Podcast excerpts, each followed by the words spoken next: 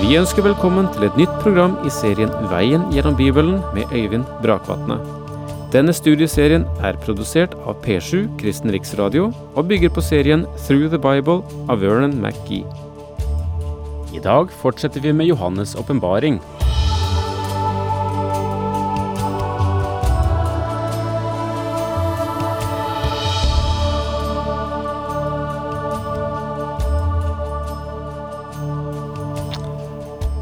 Vi eh, startet på kapittel tre sist. Og jeg ga en bakgrunn for eh, menigheten i Sardes. Eh, I første rekke ikke menigheten, men eh, de eh, geografiske og kulturelle omgivelser som denne menigheten var plassert i. Ja, også religiøse omgivelser. Her eh, fantes et av de meget få tvillingtemplene i, som du finner i verden. Og her florerte kybelekulten. Eh, Kybele var kjent som Diana i Efesos, men når denne gudelære beveget seg innover i landet, ble den omdannet og knyttet sammen med andre forestillinger. Og dette ble en svært korrupt religion. Der har vært eh, gjort ganske store utgravninger, sa jeg, i eh, Sardes. Og man prøver å restaurere idrettsanlegget og synagogen. Og det er eh, jo litt av en interessant kombinasjon. Her, om du besøker Sardes, så kan du få spasere på noen meter av den romerske veien som finnes her. Og hvis du kommer dit, og jeg håper selv at jeg en gang får komme dit, så kan du tenke på at det er den samme veien som Paulus i sin tid vandret på flere ganger.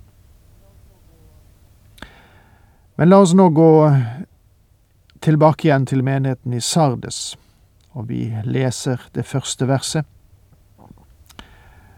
Og det står slik, altså Åpenbaringen 3, vers 1. Skriv til engelen for menigheten i Sardes, dette sier han som har de sju Guds ånder og de sju stjerner. Jeg vet om dine gjerninger. I navnet er du levende, men du er død.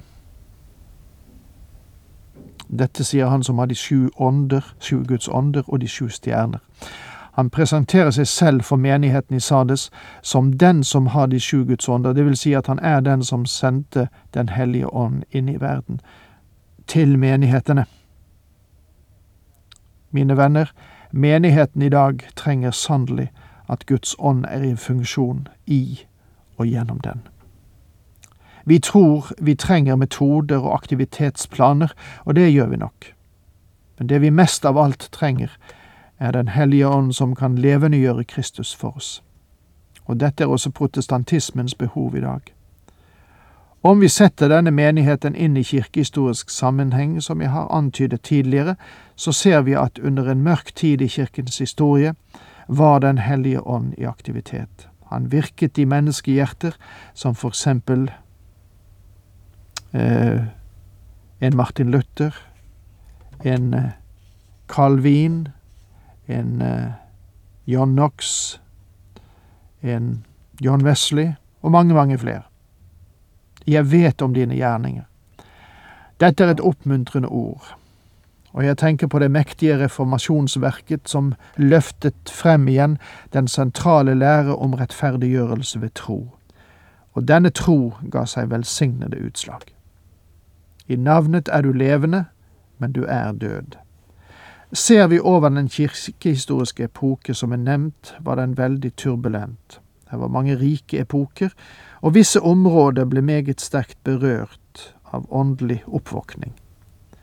Men denne perioden dekker også store frafall og aktive og levende bevegelser som bare ble sittende igjen med formen, men tapte livet. I navnet er du levende, men du er død. Dette er skremmende ord og kan være et bilde på mange menigheters situasjon også i dag. Det er ikke for ingenting at vi taler om at Europa lever i en etterkristen tid. Våkn opp og styrk den rest som er igjen, før den dør. For jeg har funnet at dine gjerninger ikke holder mål i min Guds øyne. Dette er det andre tuktende ordet, og det er et advarende ord og hadde en spesiell mening i Sardes. Som jeg allerede har nevnt, var Sardes forlagt nær toppen av et fjell. Du hadde adgang til byen bare fra syd. Derfor, alt det Sardes trengte for å forsvare seg, var å passe på sydflanken. Men ved to tilfeller i sin historie hadde de blitt invadert av fiender fordi de hadde kjent seg for sikre. De trodde at byen var uinntagelig, og derfor var ikke vakten så nøye med å sove på jobb. I år 549 før Kristus kom Kyrisis soldater seg inn i byen, og det samme skjedde i år 205, 218 om forlatelse før Kristus, da Antiokus den store erobret Sardes fordi en soldat fra Kreta klarte å komme seg over muren mens vakten sov. Det Herren sier til denne menigheten i Sardes er, nå må du våkne og passe deg. Dette var pinlig fordi ved to tilfeller i historien var de blitt tatt ved at vakten sov.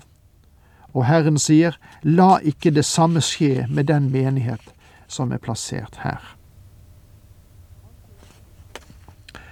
Kanskje dette også er et ord til protestantismen som helhet i vår tid.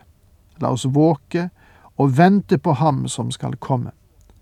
Sardes visste ikke når fienden ville komme, og vi vet verken hvordan fienden vil angripe oss, eller når Kristus vil komme. Vi må være på vakt. Med tanke på at bortrykkelsen kan finne sted hvert øyeblikk, så må menigheten være våken. Datoen kjenner vi ikke, ikke engang epoke når han vil komme, og årsaken er at menigheten alltid skal være våken for at han kan komme mens vi venter på at vårt håp skal få sin salige oppfyllelse, som det står i Titus brev kapittel 2 vers 13. Du forstår at enhver kan være rede hvis alle forhold er fastlagt, men du må alltid være rede for den tid du ikke tenker, som Jesus sier. For jeg har funnet at dine gjerninger ikke holder mål i min Guds øyne. Protestantismen gjenvant troen på Guds ords autoritet, synet på menneskets totale forderv, og rettferdiggjørelse ved tro. Men har vi holdt fast ved det, og hvilken plass har vi gitt Den hellige ånd i spørsmålet om å virkeliggjøre det som er av Kristus, og lede menigheten videre fremover? Husk hvordan du tok imot og hørte. Hold derfor fast og vend om, men hvis du ikke våker, skal jeg komme som en tyv, og du skal ikke vite timen når jeg kommer over deg. Husk hvordan du tok imot og hørte, hold derfor fast og vend om. Selve ideen her er at de skulle holde disse ting fordi de er i ferd med å dø. De store sannheter som ble vunnet under reformasjonen, er i ferd med å tapes, og tapet går i første rekke ut på å tape autoriteten i Guds ord. Guds ord må ikke bare få lov til å si sin mening, mine venner, det må også adlydes som Guds ord. Men hvis du ikke våker, skal jeg komme som en tyv, og du skal ikke vite timen når jeg kommer over deg. Som jeg allerede har fortalt, så ble Sardes bygget høyt opp på en fjelltopp som var umulig å forsere uten på én side. På grunn av erosjoner i nær på 2000 år så er fjellet der Sardes lå, ikke så høyt og utilgjengelig som det var på Paulus' tid og Johannes' tid. På tross av det var det ved to tilfeller soldater som klarte å ta seg inn i byen. Dette var svært pinlig for lederne. To ganger var byen blitt okkupert på grunn av at vaktene sovnet. Og Herren sier til menigheten i Sardes, nå må, du, nå må ikke dere også legge dere til å sove, våkn opp og hold ut. Han kunne komme hvert øyeblikk. Folket i Sardes visste ikke når fienden ville komme, og vi vet heller ikke når den Herre Jesus kommer. Men du har noen få i Sardes som ikke har sølt til klærne sine, og de skal følge med meg i hvite klær, for de er verdige til det. I Israel var det aldri det fulle antall av borgere i nasjonen, men alltid en rest som har tro mot Gud. Her får kirken vite dere har noen få. I Lukas 12 vers 32 kalte Herren sin menighet Den lille flokk. Kirken i dag har også sine hellige som elsker ordet, som er tro mot sin Herre, selv i denne tid, og står uforferdet på Guds ords sannhet. De lar seg ikke dra inn i tidsstrømmen og den tilpasningsvillighet som preger vår tid. Protestantismen har sannelig hatt menn og kvinner som rager høyt, og som er en utrolig inspirasjon fra Martin Luthers tid og frem til i dag. Gjennom dem har Gud berget nasjoner og holdt folk oppe. Gjennom dem har ordet lytt til all verden, og misjonen har skutt ny fart. Protestantismen har hatt navn som ikke var tilsølt, mennesker som var tro mot Guds ord. Ja, protestantismen har sannelig gitt oss veldige kristne personligheter. Det gjorde også den romerske kirke, selv under den mørke tidsalder, men det betyr ikke at man kan anbefale selve systemet. Et system, enten det nå er romersk-katolsk eller protestantisk, men som står i veien for sann gudsdyrkelse og evangeliets frie løp, vil kunne være forløpere for frafallets kirke, som også Skriften taler om. Vers fem er et vanskelig skriftord. Hør hva det står. Ja, den som seirer skal bli kledd i hvitt, og jeg vil aldri stryke hans navn ut av livets bok, men kjennes ved hans navn for min far og hans engler. Den som seirer, det er selvfølgelig den som seirer i kraft av Kristi blod. Det skjer aldri ved vår egen styrke og dyktighet eller våre evner.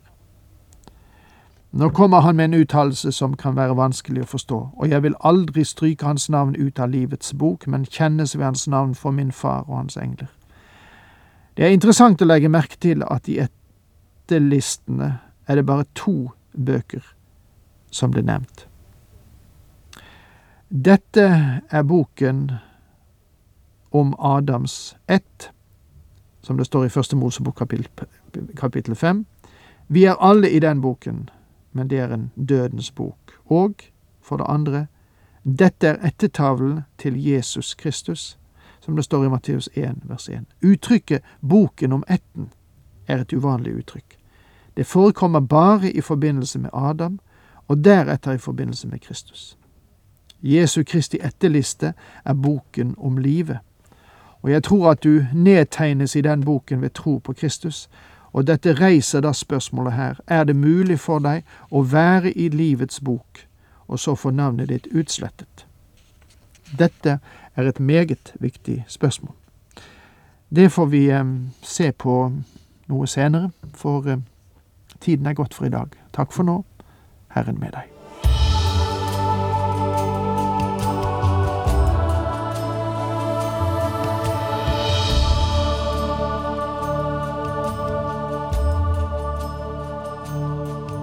Du hørte Øyvind Brakvatne i studieserien Veien gjennom Bibelen. Serien bygger på et manus av Vern McGee. Har du spørsmål eller kommentarer til programmet, kan du sende en e-post til vgb krøllalfa p7.no. Takk for i dag, og på gjenhør.